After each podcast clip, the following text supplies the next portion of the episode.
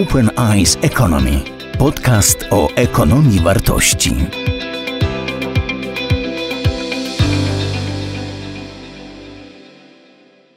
Piątek, godzina dziesiąta, to oznacza, że czas na kolejną rozmowę z cyklu Mówiąc Otwarcie. Jest to cykl rozmów w ramach Open Eyes Economy, żebyśmy się trochę przygotowali, przybliżyli sobie te tematy, o których z pełnym, w pełnym wymiarze będziemy mówili jesienią na kolejnym szczycie Open Eyes Economy.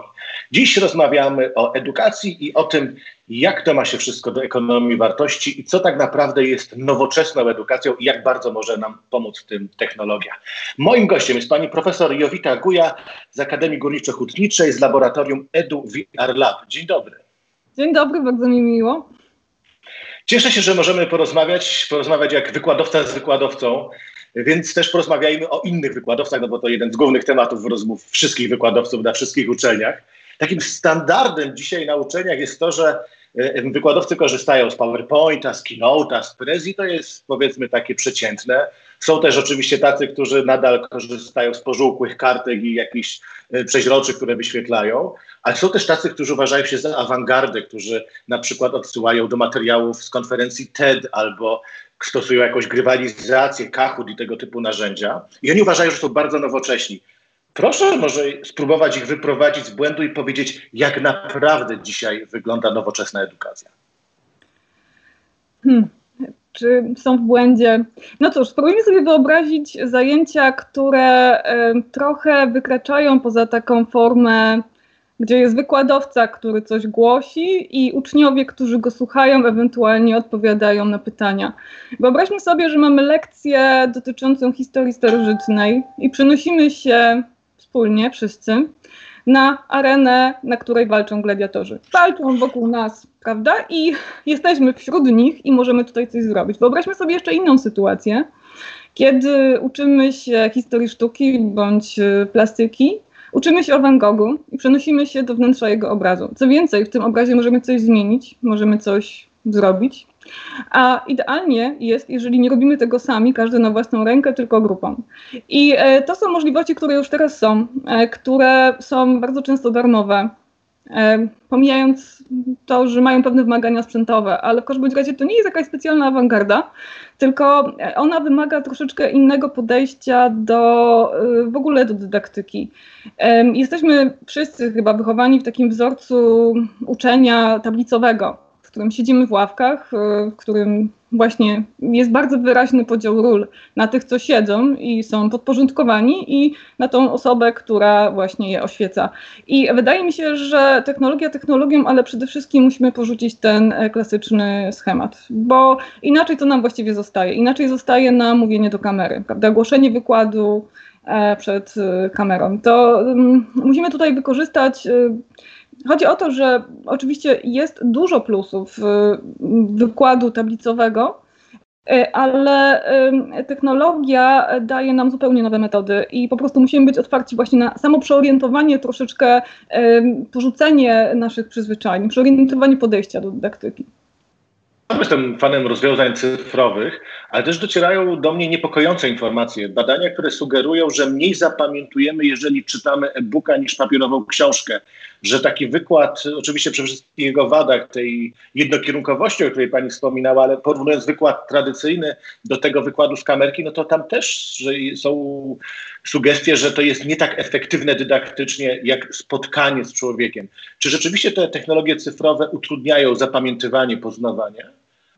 Znaczy, uważam, że tutaj mamy do czynienia z dwiema rzeczami przynajmniej. To znaczy, rzeczywiście kontaktu z żywym człowiekiem i prawdziwej, żywej dyskusji nic nie zastąpi. E, sprawdza się na przykład w tym momencie rozmowa nasza, gdzie widzimy się, jesteśmy jeden na jeden. E, gorzej jest, jeżeli mamy większą grupę. Przeprowadzenie dynamicznej debaty jest trudne i to rzeczywiście jest naprawdę ciężkie do zastąpienia w rzeczywistości cyfrowej, ale też nie jest tak, że nie ma takich narzędzi. Są, tylko jeszcze nie są popularne. E, natomiast jeśli chodzi o kwestie właśnie mnemotechniki, zapamiętywania i tak dalej, to jest to pewien problem. Tylko, że ja bym tego problemu nie sprowadzała do różnicy książka i e-book, bo tak naprawdę tutaj nie ma różnicy. Książka równie dobrze funkcjonuje w e-booku jak w wersji papierowej. Natomiast chodzi troszeczkę o co innego. To znaczy, często nie doceniamy tego, jak dużą rolę odgrywa w naszych procesach uczenia się ciało. i pewne czynności manualne. Tutaj takie czynności jak właśnie rysowanie, kaligrafowanie, e, także e, gra, uczenie się gry na jakimś instrumencie, jeżeli to się dzieje w naszym dzieciństwie, to jest absolutnie kluczowe dla e, procesów ćwiczenia uwagi długotrwałej. I w sytuacji, gdy chodzi o to, że gdy wszystko przerzucimy na tablet i komputer, to właśnie tych manualnych czynności, które stymulują pewne obszary w naszym mózgu, e, po prostu no, nie uruchomimy, nie wyćwiczymy i w efekcie no, rzeczywiście będziemy skazani na, e, mm, na takie funkcjonowanie e, w zalewie szybkich obrazów, haseł, no tak, to, to, to, to jest pewien problem. Natomiast jest to problem, na który również odpowiada technologia, E, proponując w tym momencie takie rozwiązania, które angażują właśnie ciało. E, virtual reality, ale także AR, czyli ta technologia, w której ja się specjalizuję i której jestem ogromną fanką, ona właśnie wychodzi w tą stronę. Czyli e, to już nie jest tylko tak, że jesteśmy tym nerdem, który siedzi cały dzień przed komputerem, tylko, tylko faktycznie to ciało po prostu działa I, i to jest naprawdę świetne.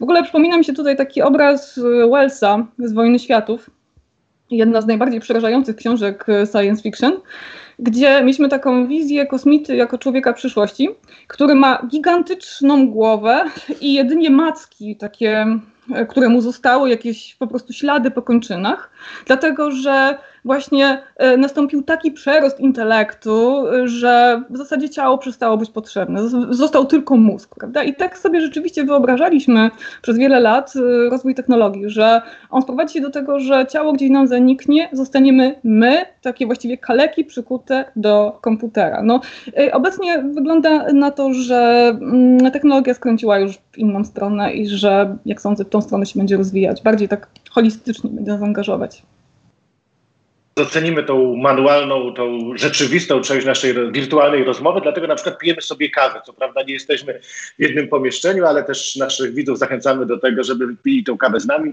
Taka jest też formuła, mówiąc otwarcie, że to ma być ten czas, te 15 minut przerwy na kawę i posłuchanie, porozmawianie o czymś ciekawym. Wspomniała Pani o tej przyszłości, tej takiej antyutopii, że rzeczywiście poza głową nie będzie nam nic więcej potrzebne. Ale spróbujmy teraz spojrzeć wstecz. Ludzkość zaczynała komunikację od pisma obrazkowego i my dzisiaj, mam wrażenie, trochę zatoczyliśmy koło, ponieważ studenci najchętniej przyswoiliby cały wykład w memach. I to jest coś, czego by się od nas oczekiwało. Z jednej strony staramy się odpowiadać na oczekiwania, no ale nie da się wiedzy uniwersyteckiej opowiedzieć w całości w memach. Czy tutaj technologia może nas wyrwać z tej patowej sytuacji? Hmm tego, żeby nie odpowiadać w memach. Ha, właśnie się nad tym zastanawiam. E, myślę, że y, może o tyle. Znaczy, ja w ogóle nie mam przeciwko memom. Uważam, że komunikacja wizualna jest bardzo ważna, a jednocześnie bardzo doceniam takie medium jak książka, w którym nie ma obrazków i y, mamy troszeczkę więcej możliwości y, uruchomienia naszej wyobraźni. Ale y, myślę, że y, rozwijają się takie narzędzia właśnie mm, tutaj znowu nawiążę do VR-u i AR-u, e, które e, pozwalają nam na kreatywność. I to jest dość istotne, że coraz więcej jest na przykład takich aplikacji VR-owych, w których nie mamy do czynienia z gotowym światem, tylko ten świat konstruujemy. I e, wtedy, no właśnie, jesteśmy konstruktorami, a nie tylko odbiorcami szybkich treści. I wydaje mi się, że w tym, to, to jest przykład po prostu takiego pozytywnego kierunku, w jakim technologia idzie, ułatwia nam właśnie kreatywność. Jeszcze y, kreowanie światów y, cyfrowych y, całkiem niedawno, znaczy do niedawna było właściwie przywilejem bardzo wąskiej grupy ludzi wyspecjalizowanych, programistów, grafików, projektantów. W tym momencie właśnie jakby każdy może w to wejść i poszaleć. To jest zresztą tak swoją drogą też znowu powrót do tych naszych lekcji plastiki, techniki, które rozwijały nas właśnie na bardzo różnych kierunkach. E, zastanawiam się, czy te rzeczy, co konkretnie z tego można byłoby w ekonomii, w nauczaniu ekonomii wykorzystać? Pani zaczęła od fajnego przykładu, że możemy się pojawić w obrazie Van Gogha i mieć tą rzeczywistość. Jak sobie próbuję teraz to przełożyć na moje zajęcia, studenci, którzy wirtualnie pojawiają się w mennicy i może zachowują się tak jak w serialu Netflixa, gdzie zaczynają przejmować tą mennicę. Jaki, ma Pan jakiś pomysł taki w kontekście nauczania ekonomii, no bo to jest nasz chleb powszedni. Mhm. Te technologie, o których Pani mówi, jak można by tutaj zastosować? Hmm.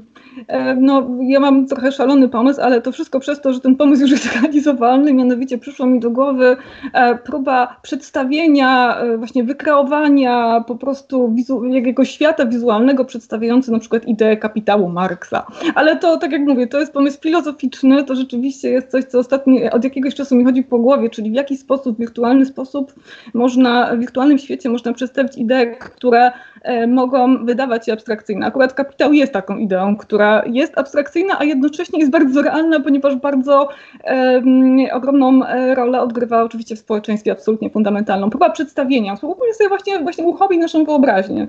Yy, przedstawmy coś za pomocą nieoczywistych środków. A natomiast jeżeli chodzi o tą mennicę, o której yy, tutaj yy, Pan wspomniał, to rzeczywiście jedno z pierwszych zastosowań virtual reality to są rozmaite symulatory, czyli kreowanie różnych sytuacji, w których nie możemy w tym momencie albo nawet nie powinniśmy, bo to jest niebezpieczne, czy, czy, czy, czy na przykład objęte tajemnicą uczestniczyć. I tu rzeczywiście jest możliwość zasymulowania właściwie mm, każdego y, środowiska, y, które z ekonomią może być związane. To jest mennica, tak jak Pan mówi. Możemy się pobawić y, w giełdę, pobawić, no, doświadczyć, prawda? E, możemy się całkowicie realnie e, znaczy realnie dla nas przenieść się jakby do giełdy, nie wiem, na teren giełdy nowojorskiej i tak dalej. Jakby to, to są takie możliwości, które są bardzo klasycznym użyciem VR-u, ale ciągle bardzo użytecznym. Porozmawiamy o tym, co dziś, bo dziś zaczyna się zdalny hackathon EduShock, organizowany przez Akademię Górniczo-Hutniczą. On ma być poświęcony problemowi edukacji, nie tylko tej zdalnej, ale także mieszanej, w ogóle nazwijmy to nowej edukacji. Proszę powiedzieć, jakie oczekiwania, czego możemy się spodziewać? Ha, hackathon został, hackathon został y, wymyślony dość spontanicznie, raptem kilka tygodni temu, e, w odpowiedzi na problem, który, z którym się teraz mierzymy. E, edukacja po pandemii, prawda? Edukacja po pandemii, czyli Zakładamy tutaj, że te doświadczenia, które mamy teraz, doświadczenia ewidentnie nie tylko z dydaktyką, ale także z funkcjonowaniem naszych laboratoriów, mogą się powtarzać. E, może być tak, oby nie było, że we wrześniu y, będzie druga fala, oby nie było, ale może się też zdarzyć, że rozmaite rzeczy e, każą nam ograniczyć e, nasz realny, e, realną bytność, fizyczną bytność na uczelni. I hackathon poświęcony jest szukaniu narzędzi, narzędzi praktycznych, które chcielibyśmy jak najbardziej wdrożyć, nad których chcielibyśmy pracować, które pomogą nam te problemy rozwiązać. Jak na każdym hackatonie liczymy na kreatywność uczestników. Tutaj taka jest w ogóle generalnie idea, że oddajemy pole e, po prostu dziesiątkom e, mózgów, e, zespołów, które podejdą do tego problemu na sposób, który uznają za stosowne. Dla nas bardzo ważne jest nie tylko tylko jakby tworzenie samych narzędzi, czy, czy ich prototypów, czy projektów, ale też to, jakie problemy właśnie zespoły, czy poszczególne jednostki dostrzegą faktycznie w, w tym, jak edukacja rzeczywiście funkcjonuje. Co, to, to jest ciekawą diagnozą, prawda? Co nam najbardziej przeszkadza w obecnej e, sytuacji? E, oczywiście narzędzia dotyczą częściowo edukacji zdalnej, a e, częściowo też edukacji w modelu mieszanym, czyli jest, na GIEK-u jest mnóstwo prowadzonych projektów laboratoryjnych, które wymagają jednak obecności, pilnowania. No to też trzeba po prostu tutaj zastanowić się nad tym, jak to ogarniać w sytuacji kryzysowej. Myślę, że ktokolwiek, kto słucha naszej rozmowy, nie ma wątpliwości, że spotkały się dwie osoby, które są entuzjastami nowych technologii, ale żeby nie być nadmiernie entuzjastycznym, trochę spróbujmy tak stonować te nastroje. Czy była jakaś taka technologia, z którą wiązała Pani ogromne nadzieje, w którą Pani dużo zainwestowała, która miała być czymś, co przyniesie wiele dobrego, a tu efekt okazał się dalece różny od tego oczekiwań? No cóż, e, właściwie największy problem z technologią jest taki, że gdy wysiądzie prąd albo internet, to nagle ona okazuje się nieprzydatna i staje się ogromnym rozczarowaniem, nieważne jak świetny był zamysł. I to ciągle jest ograniczeniem, no, którego na dzień dzisiejszy nie jesteśmy w stanie tak w 100% przeskoczyć. No, wszyscy doświadczamy po prostu magii internetu w tym momencie i też e, tego, jak straszno jest go nagle zabraknie. Także to jest moim zdaniem ciągle minus i to powoduje rozczarowania. Jeśli chodzi o e, jakieś konkretne rozwiązania technologiczne, które są rozczarowujące. E, nie mogę wskazać jakby konkretnego obszaru czy narzędzia, ale było mnóstwo mm, rozwiązań, z którymi wiązałam e, jakieś nadzieje i się, i się nie sprawdziły. E, w obrębie virtual reality ciągle dużym problemem jest kwestia poruszania się, w sensie po prostu chodzenia. Chodzenia, już ileś tam mnóstwo było po prostu absolutnie innowacyjnych, imersyjnych rozwiązań, które których efektem ubocznym są na przykład mydłości po pięciu minutach. Y, to jest ciągle eksperyment na, na, na żywym organizmie. Rozwiązanie tego problemu przez bieżnię. No, oj, strasznie chciałam tego spróbować, przy czym okazało się, że, że to, to, to jest jakiś absolutny koszmar, dlatego że nie wystarczy stanąć na bieżni, chodzić w goglach, ale trzeba być przywiązanym całą po prostu zbroją, żeby z tej bieżni nie spać, ponieważ nie widzi się, nie widzi się po prostu z kraju jej. Także jest dużo takich, dużo jest jeszcze ciągle niedogodności e, w technologii, ale i tak wydaje mi się, że prąd i sieć to są największe z nich. Jeśli ich zabraknie, tak koniec. Nie pozwolimy na to, żeby nam e, te minusy przysłoniły plusy, o których bardzo dobrze wiemy. Kończymy sobie nasze rozmowy takimi pięcioma zdaniami, o dokończenie których proszę moich gości. One bardziej dotyczą biznesu, ale AGH słynie z bardzo dobrej współpracy z biznesem, więc mam nadzieję, że nie będzie to żaden problem.